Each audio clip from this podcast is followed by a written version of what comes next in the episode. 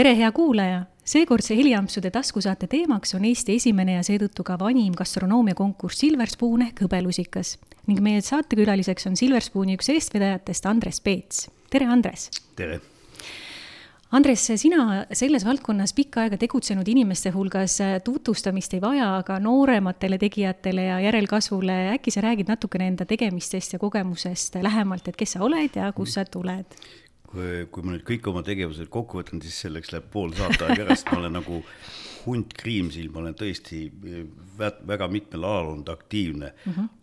aga tegelikult hariduse järgi ma olen muusik, ma olen ka esimese aktiivse eluaja töötanud muusikana, muusikuna, muusikaõpetajana äh,, artistina, sõitsin mööda Venemaad ringi ja olen kirjutanud päris palju muusikat meie tuntud lauljatele, isegi Anne Veskile Äh, olen kirjutanud filmimuusikat äh, ja, ja, ja siis mänginud ka restoranis.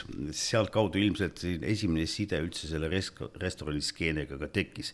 aga vahepeal ma olen, olen tegelenud ka nii-öelda äh, tõsiste ettevõtmistega, ma olen asutanud omal ajal telekommunikatsioonifirma, mille nimi oli Reveco Telekom, sel ajal, kui me selle asutasime, siis nii minu perekonnaliikmed kui sõbrad muhelsid kõik imestasid, meil olid siis sel ajal Siemens, Ericsson ja Nokia, aga aja jooksul juhtus niimoodi, et äh, väga suur osa riigiettevõtteid, äh, riigiasutusi, kohtud, isegi, ähm, isegi infrastruktuuriettevõtted nagu, nagu Eesti Raudtee ja Põlevkivi Raudtee, need, nendega me saime nii hea suhte, et, et nemad osutusid meie klientideks, nii et lõpplahendusena tollane Finnish Telecom ehk tänane Telia ostis kõigepealt kolmkümmend protsenti mu ettevõttest ära ja mm. siis lõpuks nad tegid mulle pakkumise koos Eesti Telefoniga. tollal oli niisugune firma nagu Eesti Telefon, nüüd nad on ka Telia, et nad siis ostsid selle koos saba ja, ja karvadega ära. ja, ja peale selle ma tegelesin siis kaksteist aastat liikluskorralduse ettevõttega Signaal, mille üks kaasomanikest ma olin ja juht ja, ja enam-vähem kuskil kahe tuhandete alguses siis äh, kui ma ei eksi, võis olla see kaks tuhat kolm või neli, eh, siis mind kaasati eh, restorani, restoraniärisse. Eh, kaasajaks olid tollal väga uuendusmeelsed ja edukad, edukad restoraniettevõtted firmast Sparkling Group. Jah, mõtle, mõtteaeg on läinud.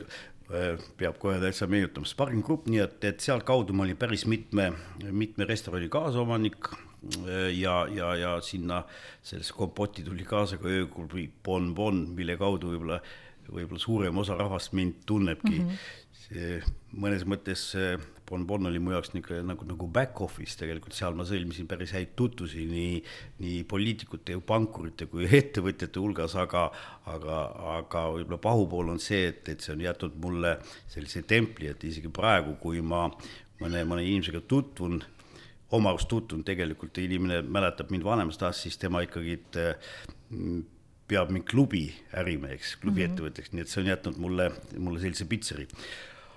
aga mis puutub restorani business'isse, siis seal siis kahe tuhandete algusest kuni kahe tuhande üheteistkümnenda aastani ma sellega tegelesin aktiivselt ja, ja, ja siis pärast vähem aktiivselt, see kestis veel paar aastat, nii et ma väljusin äh, täielikult sellest äh, sellest valdkonnast kuskil kaks tuhat kolmteist lõpus. aga seotuks jäin ma selle valdkonnaga siis tõesti läbi või sain uuesti seotuks läbi, läbi eh, siis restorani äh, restoran guide'i või kuidas me äh,, restorani konkurss tegelikult, Silver Spoon, tollal, tollal, kui ta asutati, siis ta esimene nimi oli ikkagi Hõbelusikas, asutati kaheksateist aastat tagasi, mhm. kaks tuhat neli. Mhm. ma mäletan ka seda, kui ta asutati, sest et me oma restoranidega olime ka seal konkureerimas ja, ja päris edukalt. ja sina liitusid kaks tuhat viisteist siis? mina liitusin kaks tuhat viisteist, mhm. mind kutsuti siis kaasa ja, ja, ja sellest ajast saadik olen ma jah, see aktiivselt, aktiivselt seal toimetanud. nii et see on siis, see on nüüd see osa, millega ma olen äh, sellise restorani valdkonnaga ehk, ehk selle skeenega seotud mm -hmm. tänase päevani. aga sina põhjaliku inimesena küll liitusid kaks tuhat viisteist, aga tead kindlasti selle hõbelusika ehk Silver Spooni saamislugu ka kahe tuhande neljandal aastal, et kuidas see siis alguse sai, kes need asutajaliikmed olid ja miks see üldse ellu kutsuti toona? see on tegelikult väga põnev lugu ja, ja, ja väga ainulaadne lugu mis põhjendab ka ära selle, et, et Silver Spooni kontseptsioon on, on, on väga originaalne ja ainulaadne, maailmas kuskil seda ei leidu. Nendeks asutajateks olid tegelikult välismaalased, need välismaalased, kes, kes olid siia Eestisse elama tulnud, kes olid oma äri siin püsti pannud ja, ja ka perekonnaelu käima pannud. Ja, ja nemad avastasid, et see Eesti restoranikultuur ja see toidukultuuri tase on üllatavalt kõrge. inimestele, kes, kes tulid tõesti teistest suurlinnadest ja kes olid väga hea tasemega harjunud, siis nende jaoks oli esialgu see niisugune positiivses mõttes ikka hea šokk. Äh, nendeks, nendeks asutajateks oli, olid siis John Wilson, kes on, kes tegeleb äh, finantsmaailmas, John Wilson ja, ja Mahesh Ramnani ja, ja ja esimese hooga nad eh, panid selle kontseptsiooni kirja ja, ja, ja kaasasidki sinna hindajad, need hindajad olidki suuremas osas tollal välismaalased, sellepärast, eh, sellepärast eh, saigi et, see ettevõtmine või siis ka kontseptsioon nimeks Silver Spoon. tegelikult siiamaani me kasutame nime Silver Spoon slaš hõbelusikas mm. -hmm. ja mõte on selles, et, et need hindajad, kes restorane hindamas käivad, ongi, ongi läbilõige nende restorani külalistest.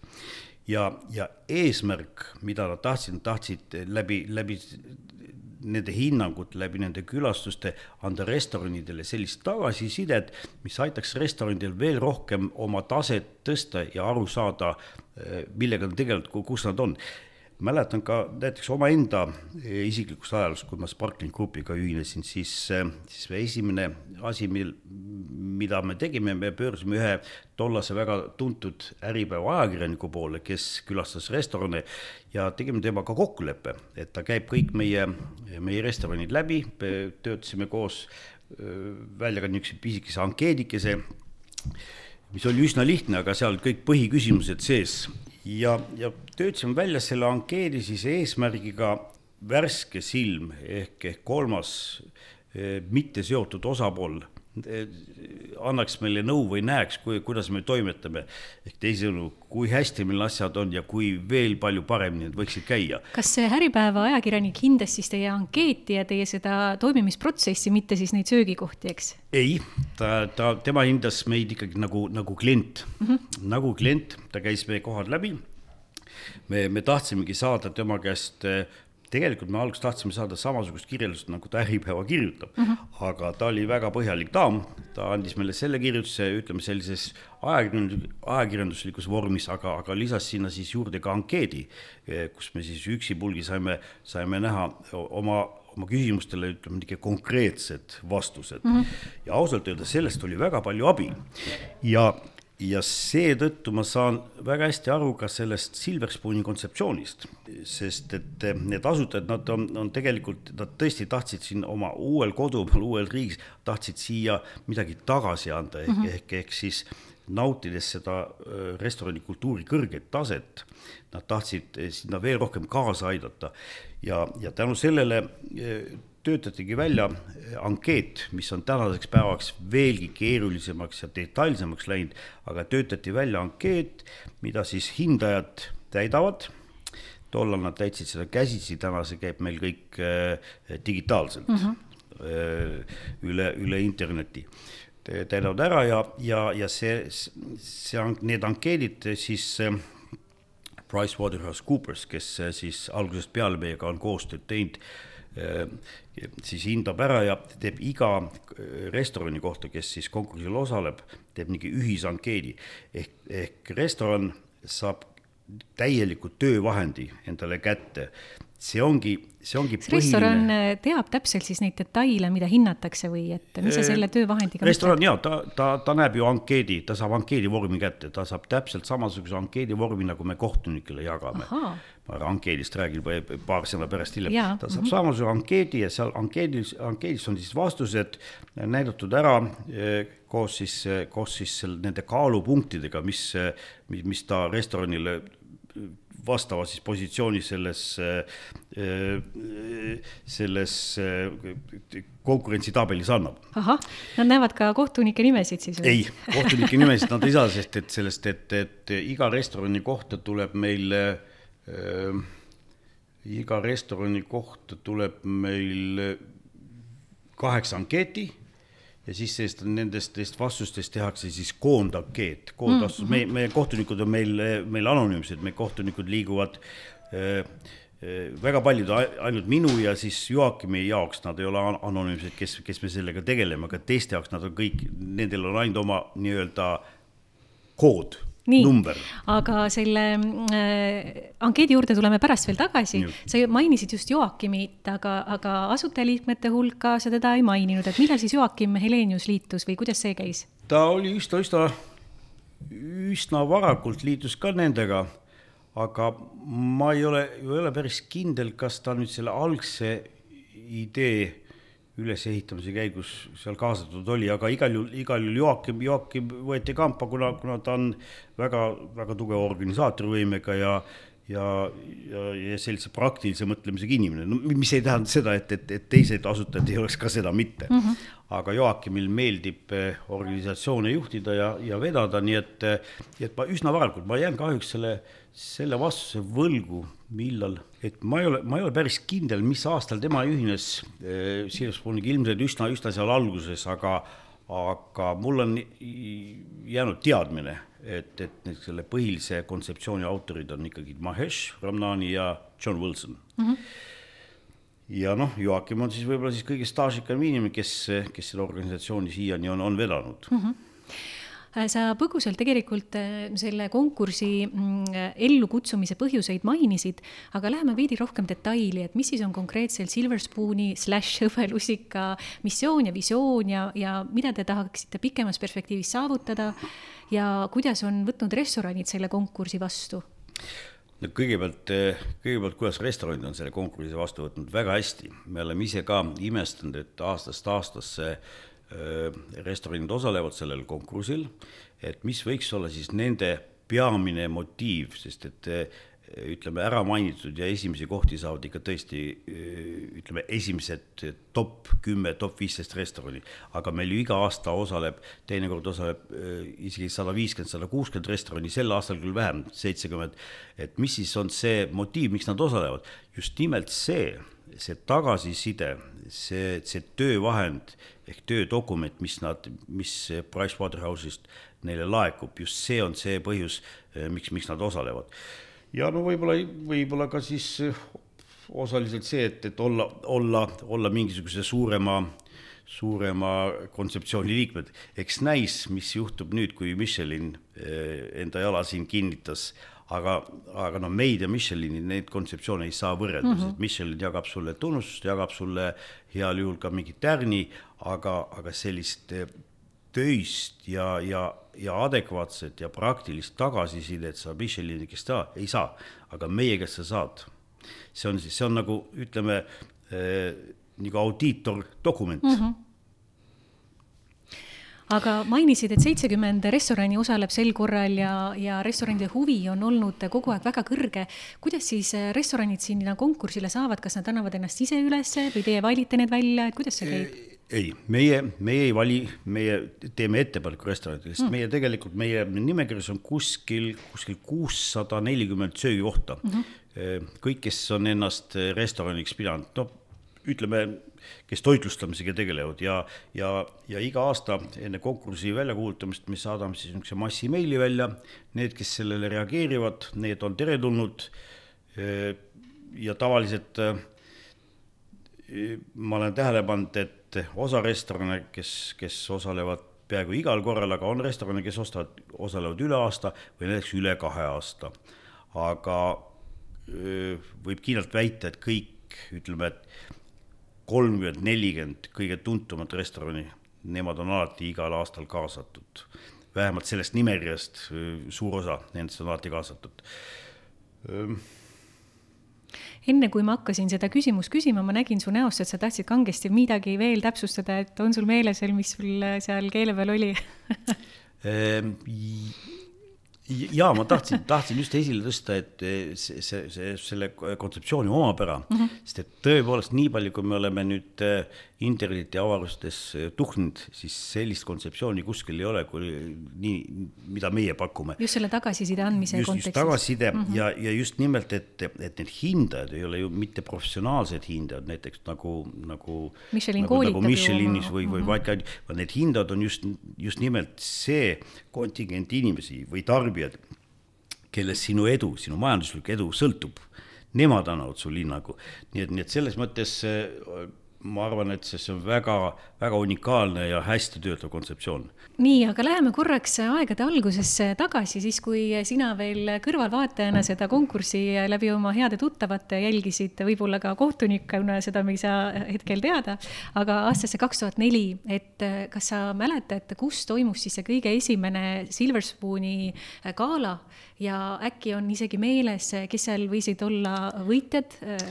Mäletan väga hästi, kus see gala toimus, see toimus mm -hmm. Viru keskuse, äh, värskelt valminud Viru keskuses mm. -hmm. mäletan veel seda, et, et toidud toodi kokkade poolt ülemiselt korruselt eskalaatoriga liueldes alla, see oli väga efektne vaatepilt ja olime siin Sparkling Grupiga ja mitme meie, meie enda restoraniga olime sinna ka kaasatud.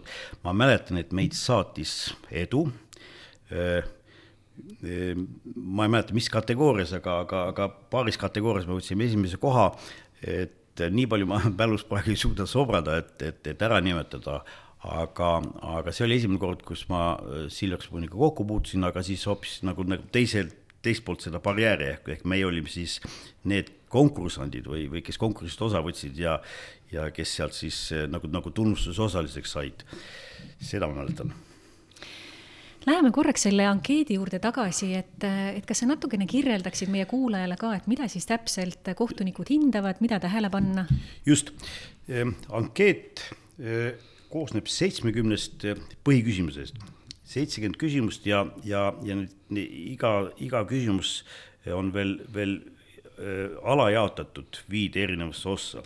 no selle mõttega, et, et noh, me ei eelda, et meie kohtunik äh, on, on, on, on toidu tegemise või, või toidu hindamise valdkonnas nii teadlik, et, et ta, et ta võiks seal anda hinde või, või kommentaari ilma, ilma et teda natukene ei, ei, ei briifiks ette. ehk see tähendab, et kui meil on küsimus, siis on meil seal alajaotus ja, ja väga detailselt, väga väikeste vahedega ära seletatud, näidata, antud talle võimalus, missuguse ta ühest nendest viiest, viiest vastuse eh, valikust valib. Sellepärast, et noh, tõepoolest, ega kui me, kui me palume tal hinnata toitu ühest viieni, ta võib, võib ka seal suvalise numbri panna, aga ta ei oska seda põhjendada. ja nüüd, kui talle on, on, on selgelt antud, ära kirjeldatud, et et mis ühe või teise vastuse põhjendus võiks olla, siis -hmm. on väga lihtne seda tööd teha.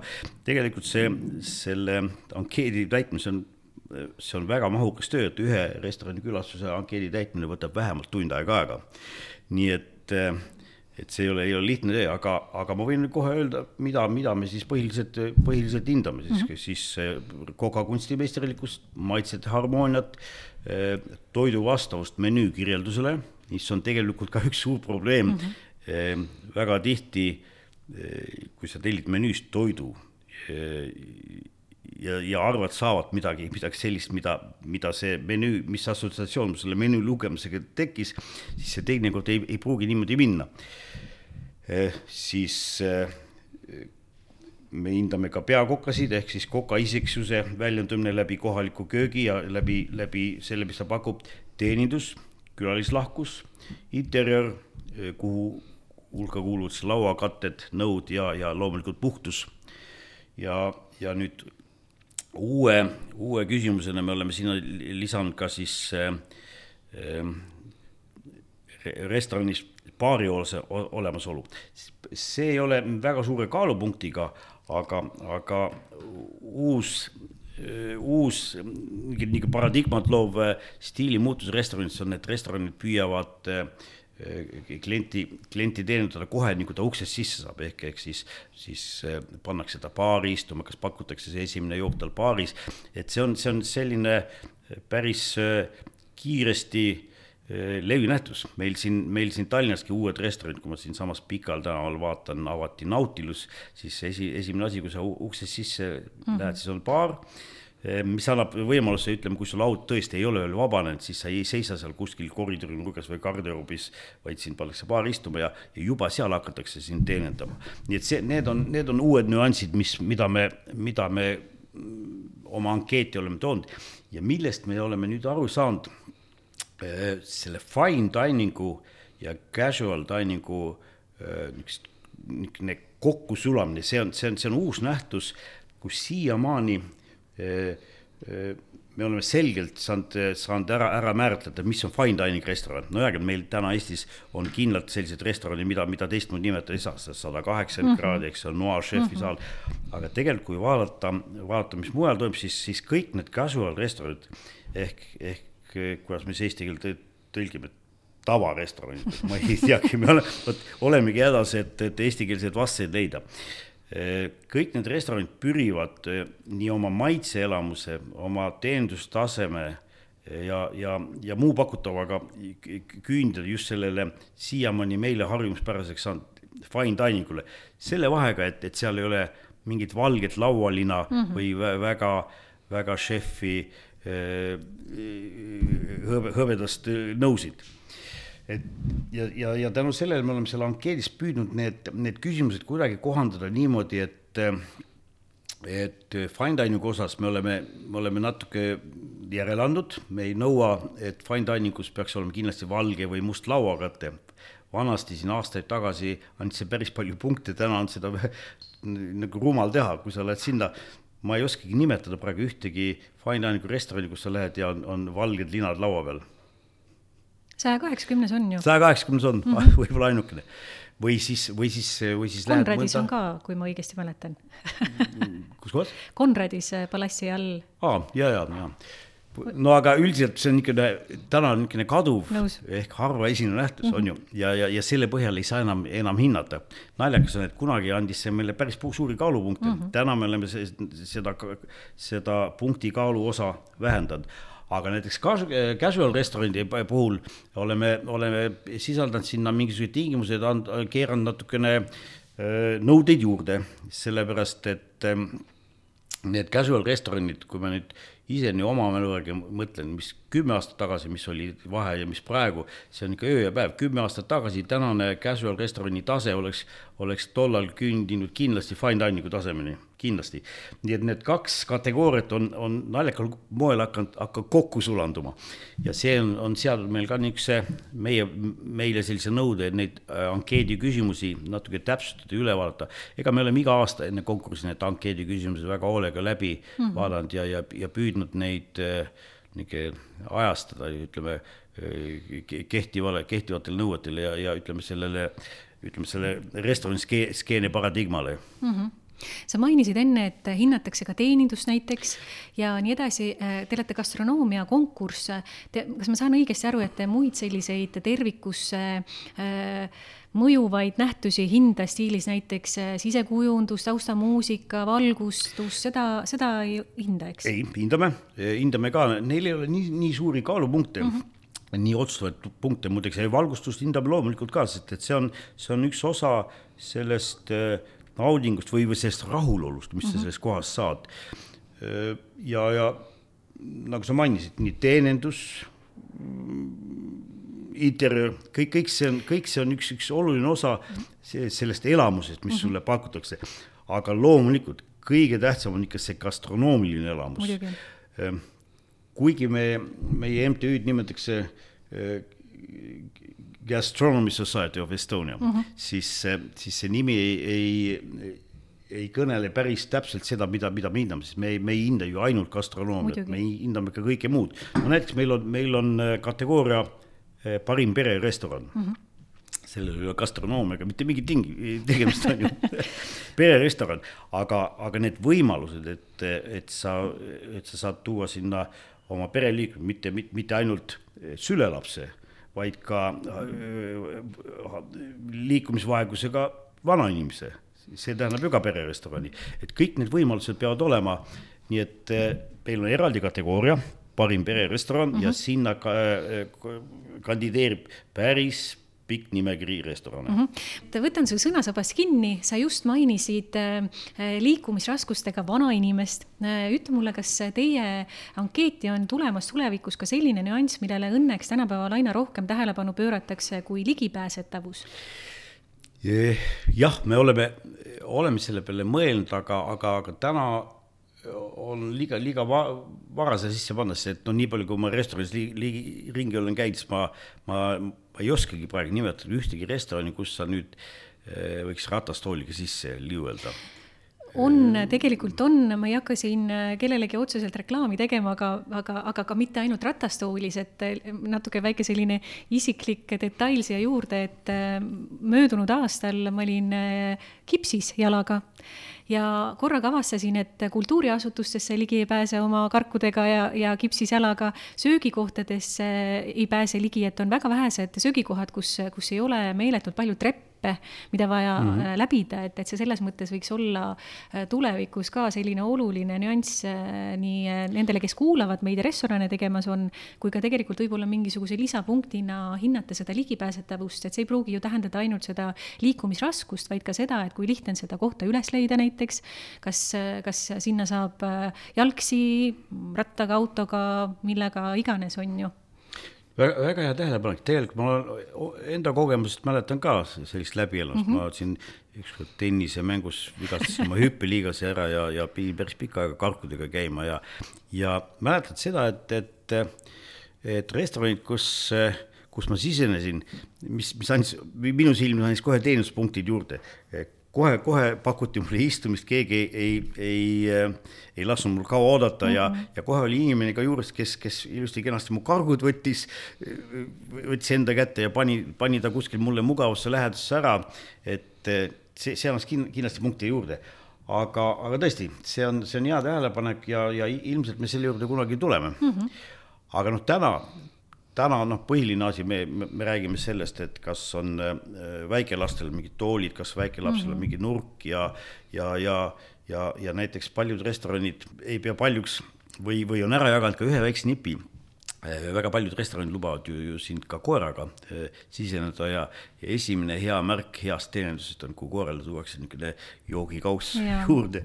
nii et see, see, mm, see on väike, väike, aga oluline nüanss kuidas sa oma kogemusest hindad seda äh, just väikelastele viidates, mis sa just mainisid, et fine dining'u restoranis tegelikult väga ei oodata äh, beebidega külastajaid või väikelastega külastajaid, kas see trend on muutumas ja kuidas sa ise? ei ole, ei ole muutumas ja ma usun, et ega, ega kliendid väikelastega väga ei ründa ka fine dining mm -hmm. restoranis, sest nad ikkagi saavad aru, võimalus on väikelapsega restorani minna, see on täitsa normaalne asi, sest et noored inimesed, kes, kes tahaks, ei taha, ütleme, niisugusest sotsiaalsest elust ära lõigatud olla tänu sellele, et, et nad on, on lastevanemateks saanud, siis, siis nendele peab ju kuidagi vastu tulema. ja üks küsimus näiteks meie ankeedis ongi äh, äh, ma täpselt sõnastust ei mäleta, aga seal on öeldud, et, et kuidas see restoran vastab või, või selle restorani äh, siselogistika võimaldab näiteks väikelastega seal olla, sest et teinekord, kui sa tuled oma väikeste lastega, siis sa võib-olla tahakski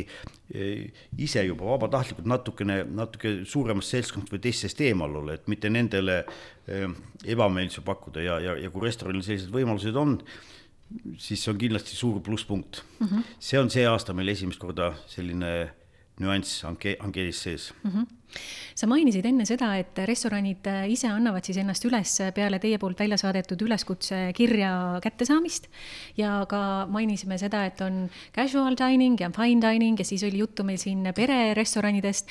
kas sulle meenub nende aastate jooksul ka mõni selline olukord, kus mõnda kategooriasse ongi sattunud ainult üks restoran, mida hinnata mm,? jah, üks lõpptulemusel me saime tõesti sinna natuke rohkem restorane, aga üks aasta eh, tegelikult oli küll niimoodi, et, et sellise fine dining usse eh, seadis ennast ainult üks restoran ülesse mm. -hmm ja see oli ainuke juhus ka, kus, kus me natukene tegelesime nii-öelda ise lobitööga, lobitööga ja kutsusime, et me, et me saime sinna mõned restoranid juurde, aga, aga, aga sellist olukorda, et, et, et mõnesse kategooriasse pole kedagi saanud, sellist ei ole. meil nüüd eraldi vegan kategooriat ei ole mm, -hmm. aga kui me kahe tuhande kuueteistkümnendal aastal seda, selle esimest korda siis nagu, nagu välja kuulutasime, siis sinna oli ka üsna vähe tahtjaid, aga aga aga me saime selle kategooria ilusti kinni panna, täna meil eraldi vegan kategooriat ei ole, kuna, kuna kõik restoranid on aru saanud uuest trendist, et igas menüüs peab olema ka vegan toidud mm. -hmm. nii et, nii et meil on, meil on küll alamkategooria, kus me uurime, mis annab lisa, lisapunkte ja kus me uurime, kui palju on, on menüüs veganitele tähelepanu pööratud. meil on, meil on olnud, olnud aastaid, kus meil on olnud kaksteist kategooriat, aga, aga täna me oleme jõudnud arusaamisele, et, et, et me tõmbame natuke, natuke nad kokku ja, ja, ja, ja mingitel kategooriatel tekime, tekitame lihtsalt alamkategooriat. põhjus on lihtsalt selles, et, et see kohtuniku, kohtunike arv, mis meil käes on ja, ja, ja nende kohtunike manageerimine on ka omaette keeruline ülesanne, et kui vanasti eh, restoran sai kandideerida ainult ühes kategoorias mm, -hmm. ta pidi valima, kas ma olen siis casual või, või ma olen fine dining või, või, või siis ma olen vegan, siis, siis täna me oleme toonud sellise muutuse, et, et sa võid eh, kandideerida mitmes, mitmes kategoorias ja, ja näiteks, näiteks kui vanasti meil oli eraldi kategooria parim pererestoran mm, -hmm. siis täna seda eraldi kategooriana ei ole, vaid ta on alamkategooria ja, ja needsamad hindajad, kes, kes käivad seda restorani nagu, nagu casual restorani hindamas, siis leiavad ankeedis ka lihtsalt lisaküsimused, millele nad siis ära tag ivad ja vastavad ja sealt me saame siis selle, selle, selle kategooria, ütleme, nominendid või väljapaistvamad tegijad sealt kätte mm. -hmm esiteks on restoranidel endale ka lihtsam, sellepärast et restoranid maksavad ju, ju selle külastuse ise kinni mm. -hmm. meie, meie jagame oma kohtunikele välja vautšerid mm -hmm.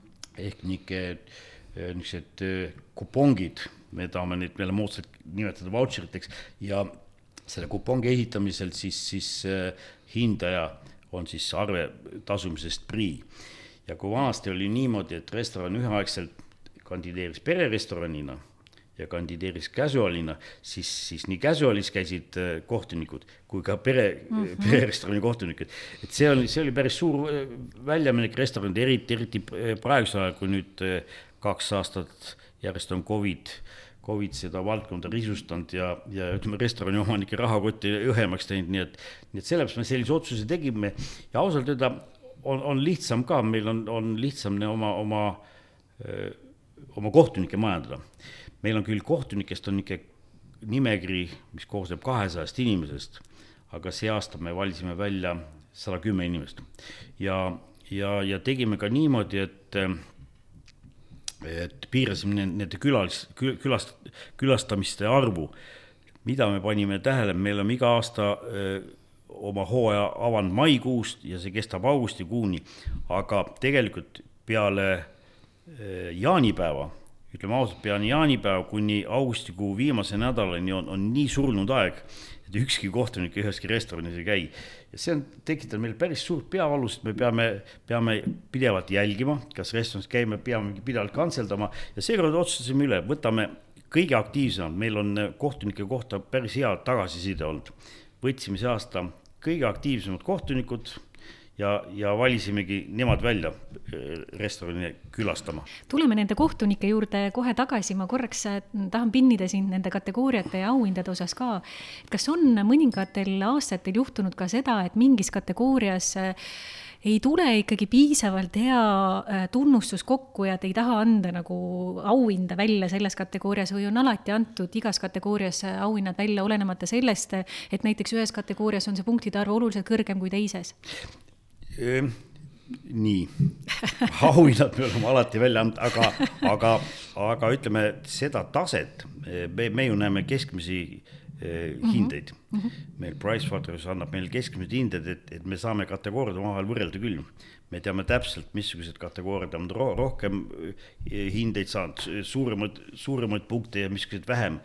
et see ei ole, ei oleks päris korrektne minu poolt siin nimetama hakata aga, aga see on ka üks põhjus, üks põhjustest, mille pärast me kategooriad kokku tõmbasime mm -hmm. ja, ja tekitasime näiteks casual'il niisuguse alamkategooria, no kui ma praegu võtan, võtan see kategooriate nimekiri välja, meil on best casual dining, sinna alla kuulub siis be, eh, parim gastropubi, parim street food, parim vege, nii et eh, see võiks ikka kaudselt küsimusele mm -hmm, mõistan, ja vastas aitäh sulle. Aga nüüd hüppame uuesti kohtunike juurde, et mainisid, et sel aastal on siis sada kümme kohtunikku tavapärase kahesaja asemel aga, ja kõige aktiivsemad jätsite sel aastal alles. kas, kas, kas sul on ka teadmine selle kohta, et kas on mõni kohtunik aegade algusest peale iga kord hindamas käinud, kui välja arvata see Covidi vahepealne hüpe, millest ka kohe räägime, aga et keegi on järjepidevalt kahe tuhande neljandast aastast alates muudkui käinud hindamas, kas keegi selline, aga nimesid me muidugi ju ei nimeta? jaa, ei, muideks, kui ma, kui ma kohtunike listi lahti võtan ja ükskõik mis välismaa välismaalase nime sealt leian, siis ma võin raudselt öelda, et see on üks nendest mm. -hmm. sellepärast esimesed kohtunikud olidki, suurem osa olidki välismaalased, need nemad on kindlasti kõige staažikamad ähm,. Läheme korraks äh, ka keerulisemate aegade ja olukordade juurde, et kas sa oskad välja tuua, mis on need kõige raskemad hetked ja aspektid selle konkursi korraldamise juures läbi aastate olnud sinu meelest? Konkursi korraldamine iseenesest ei ole, ei ole raske, sest et nagu ma ütlesin, et äh, restoranid on hästi motiveeritud mm, -hmm. tulevad hästi kaasa. väiksed, väiksed takistused võib-olla tõesti, kui, sest et meil konkurss ei ole mitte ainult Tallinna restoran, me oleme üle Eesti mm -hmm. ju ja siis niisuguseid väikeseid takistusi võib tekkida küll teinekord, kui mõni no näiteks Lüganusel asuv restoran mm. -hmm ma nime ei saa nimetada praegu, aga, aga, aga ei ole, ei ole, ei ole väga, väga kergesti kohale, kohale sinna võimalik saabuda ja, ja, ja, ja mõned kohtunikud on, on jätnud, lükkavad selle viimasesse järjekorda ja, ja siis, kui konkurss hakkab lõppema, siis augusti lõpus, siis me näeme, et, et näiteks ütleme, ma ütlen tinglikult Lüganusel asuv restoran, et, et seal on siis kaheksa kohtuniku asemel käinud kolm kohtunikku, siis, siis see tekitab küll probleemi, nii et me peame siis kas, kas seda kohtunikku piitsutama hakkama või leidma uue inimese, sest et see, see ei pane seda restoraniks teistega võrreldes võrdsesse olukorda. ükskõik kummalt poolt vaadates, kui me, kui, kui tema kohta on esitatud kolm ankeeti siis me peame ikkagi kuskilt leidma selle keskmise numbri ja, ja see ei pruugi olla öö, õiglane jälle selle restorani puhul, kelle, kelle puhul on kõik ankeedid ära täidetud, võib-olla neli ankeeti ülimalt hästi täidetud ja, ja paar tükki halva, halbade hinnatega. nii et tema keskmine, keskmine hinne kukub alla. et see on, see on osutunud meil selliseks probleemiks. sellel aastal me lahendasime selle asja niimoodi, et me märkisime kõik väljasõidukohad eraldi ära see oli küll natukene tekitas tööd, aga me helistasime kõik kohtunikud läbi ja kooskõlastasime neile, nendega selle koha, kuhu nad saavad sõita ja ütleme nii-öelda telefoni teel suulise kokkuleppena siis saime kinnituse ka, et, et nendes kohtades käiakse ikka ära mm. -hmm. uue restoran, üks Narva restoran on, tegelikult on väga hea restoran, ma tean isiklikult, see on väga hea restoran, aga, aga siin ma tean, et oli väikest nurijat, nurinat nende puhul, kellel see restoran määrati keegi ei kujuta ette, et ta peab siit Narvasse sõitma kaks tundi ja, ja, ja võib-olla mõni nendest kohtunikest on elus sinna ükskord üldse ka parvida sattunud, nii et ei ole nagu uni, unistuste destination, siht, sihtkoht. nii et need on sellised probleemid, aga need on niisugused väiksed probleemid, et nad, niisugused organisatoorsed probleemid, sellist probleemi, et mis nagu konkursil mõjutab, võib-olla tõesti Covid. vot see, on üks probleem, millega me nüüd eelmine aasta kokku puutusime, siis esimene Covidi aasta kaks, kakskümmend kakskümmend me ikkagi selle, selle konkursi korraldasime, me selleks ajutiselt muutsime kontseptsiooni ära. me tegime nii-öelda sellised tunnustusauhinnad ja siis saatsime kõigile oma kohtunikele niisuguse ankeetküsitlused välja, sest et no me ei saanud, me ei saanud arvestada sellega, et inimesed käivad restorani hindamas. ja, ja ühesõnaga inimesed nii, nii-öelda täitsid ankeedi oma mälu järgi, me muidugi, ma otsin välja, mis meil siis need kategooriad olid. no parim, parim ellujäämise lahendus, kogukonna vaibi üleval hoida.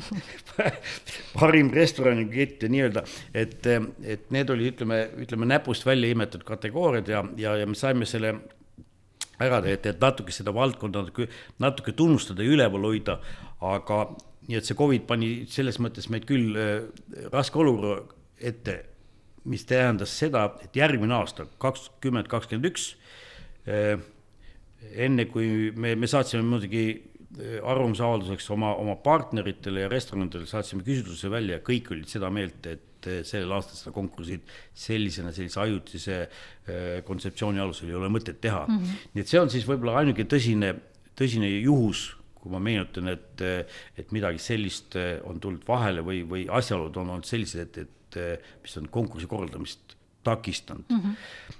aga, aga see aasta me oleme jah, tulnud jälle oma, oma vana kontseptsiooni juurde tagasi, natukene tihendasime seda ja, ja, ja ma arvan, et päris edukalt läks käima. kui peab tunnistama jah, et eh, restoranide osavõtjate number on, on üks kolmandik väiksem, kui me tavaliselt harjunud oleme, aga, aga see seletab ära selle konjunktuuri, mis praegu käimas on mm. -hmm korraks kitsaskohtadest veel nende ankeetide osas, et äh, on sul jäänud midagi silma sellist läbi nende aastate, mis hindajate poolt ähm, järjepidevalt tuuakse esile, mis on kehvapoolne söögikohtades, aga mis ei taha kuidagi paraneda, et kas midagi sellist on ka jäänud sulle mm. äh, silma mm.? Vot ei meenu. aga liigume nüüd eesseisva konkursi juurde, et korraldustiim on ka igal aastal veidi erinev. kes siis sel aastal need põhiraskuse kandjad on?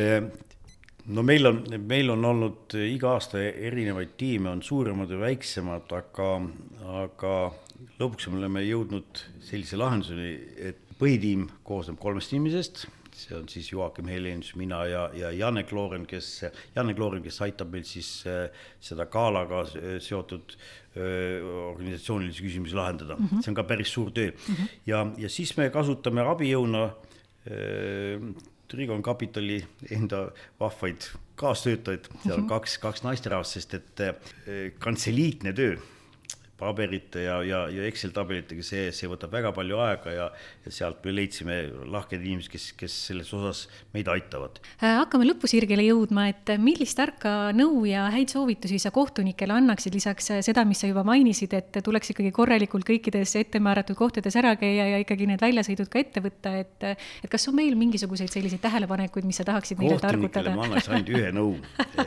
ühe nõu, et ähm, et nad võtaks seda kohustust ikka, ikka kui, kui kohustust, sest et vä, väga mitmel korral me oleme saanud tagasisidet, kus kohtunikud lähevad sinna nagu, nagu aega veetma mm. -hmm. see ei jäta ei kohtunikust ega meist head muljet mm, -hmm. sellepärast et me peame väga teraselt eh, silma peal, me saame tagasisidet ja, ja aastate jooksul me päris, päris mitmed kohtunikud oleme jätnud oma nimekirjast välja.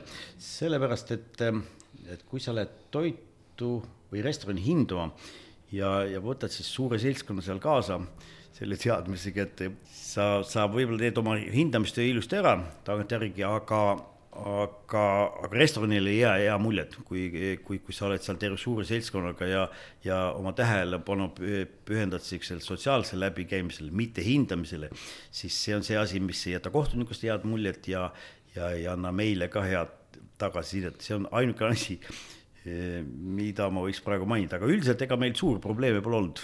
no samas päris üksi ka kohtunik ei saaks minna, sest muidu ta jääb kohe silma, et, et.... ei täiesti tavaline on, et kohtunik käib eh, ühe kaaslasega mm, -hmm. see on täiesti tavaline mm. -hmm. sellepärast, et no veider on ka sinna üksi minna nagu sellesse äh, Prantsuse multifilmis, kus see äh, jo-, joonisfilm, kus kohtunik käis üksi lauanurgas kurjanaga istumas ja mm, -hmm. ja, ja, ja köögist piiluti, käidi kikivarrukil, et mis nüüd saab. Ratatouille muusikast käib. just mm. -hmm. aga mis häid soovitusi sa söögikohtadele jagaksid? no need, no nii, nii sada korda üle öeldud, et olge, olge, olge omanäos, olge kreatiivsed, suhtuge ausalt toorainesse ja noh, see, mis ma ikka saan öelda ja, ja, ja muidugi, mis, mis on oluline ikkagi, ikkagi teeninduse tase millega ma nüüd praegu restorani omanikega vesteldes olen kokku puutunud, nüüd see Covidi aeg eh, harvendas väga palju eh, teenijate ridu. kui sa ikka kaks aastat järjest oled, oled tööpõllult välja surutud ja näed, et, et su, su tulevik on ähmane, siis sa oled endale uue eriala valinud ja see tähendab seda, et, et nüüd, kui Covidi piirangud läbi said, siis väga paljud restoranid olid hädas personali kaasamisel. Aga mina olen öelnud neile, et see on, see on tegelikult, see on hea võimalus. et kui sa võtad eh, uued inimesed tööle, siis, siis pühenda oma aeg sellele, et, et sa õpetad nad ise, ole siis ise väikene kutsehariduse pakkuja. Õpetan need inimesed oma käe järgi, oma, oma näo järgi, oma restorani nõuete järgi ära, õpetan nad välja ja, ja, ja sul on palju parem äh, nendega töötada, kui, kui need, kelle sa, kellel on, ütleme, kas viie või kümneaastane kogemus, aga kes on sellest tööst nii väsinud ja, ja, ja selle töö kõrvalt ka mingisugused kahtlased trikid endale selgeks õppinud. nii et see on, see on, see on soovitus, mis ma restorani omanikele ütlen, või vaadake julgelt sellele väljakutsele otsa, nähke seda kui niisugust advantage'it, õpetage need inimesed välja ja teie elu läheb palju kergemaks. välja, väljaspool Siljas, lihtsalt kui, kui ma hindaks lihtsalt ära selle meie, meie, meie restoranikultuuri taseme ja restoraniskeene, siis, siis, siis, siis maailmas ringi liikunud inimesena ja, ja, ja parimates ja veel paremates restoranides söönuna ma võin öelda, et, et meil, meie Eesti tase tõepoolest ülimalt kõrge ja ülimalt ühtlane. noh, seda näitab ka, seda näitab ka, ka, ka Michelin siia tuleks, sest et eh, nii väikses riigis, kui korraga valitakse välja kolmkümmend üks restorani, okei okay,, meil kaks restorani sai täis, aga, aga, aga mainitud ja soovitusi sai tervelt kolmkümmend üks restorani. see on ikkagi see megasaavutus. Eh, see, mis ma ise olen, olen siin paarikümne aasta jooksul näinud, missugusel tasemel meie, meie restoranikultuur on tõusnud, see, see, see on, see on täiesti unikaalne. ja selles mõttes ma, ma, ma kiidaks kõiki, kõiki restoranitöötajaid, omanikke, peakokkasid, teenindajaid, et nad on teinud vägeva töö ja noh, ma ei tea, kas mõni poliitik sat-, satub meid kuulama, siis ma tahaks natukene neid laita, sest et see, kuidas, kuidas selle valdkonna inimesi ikkagi koheldi ja kui kui hooletult neid hoiti, see on, see on ikka märkimisväärselt äh, äh, ebaviisakas tegu. muud, muud ma ei tahaks öelda. Andres, aga viimase küsimusena äh, räägime korraks eesseisvast galast ka, et sel aastal toimub siis Silver Spooni äh, kaldkriiv sõvelusika gala neljandal novembril, kas on juba teada ka, kus see aset leiab? ja me oleme, me olemegi tegelikult äh, ankursse jäänud ühte ja samasse kohta kui vanasti me tegime neid galasid erinevates kohtades, aga meil olid vanasti, oli, oli vähem külalisi, aga täna, täna Silverspuni galale tuleb nelisada kuni nelisada viiskümmend külalist korraga ja, ja, ja Tallinnas on ainukene koht, kus me seda saame sellisena pidada, on, on Tallinna lennusadam ja, ja sealne, sealne pererahvas on meie vastu väga, väga lahke olnud. meie koostöö on nendega tõesti väga hästi läinud ja, ja meie, meie külalised on ka sellega ära harjunud, esimesed aastad nad küll kehitasid õlgu, et kas, kas uut kohta ei leia aga täna on kõik, kõik teavad, kui, kui ütled, et on Silver Spoon gala, siis nad teavad seda asukohta juba peast, see on Lennusadam. No väga tore, aitäh sulle, Andres, selle põneva vestluse eest. aitäh. ja aitäh ka hea kuulaja äh, hoidke Silverspooni konkursi silma peal Silverspooni Facebooki lehel ja loodetavasti kohtume siis neljandal novembril Silverspooni galal Lennusadamas. saates oli külas Andres Peets, kes on Silverspoon gastronoomiakonkursi üks eestvedajatest salvestus toimus seitsmendal juunil kahe tuhande kahekümne teisel aastal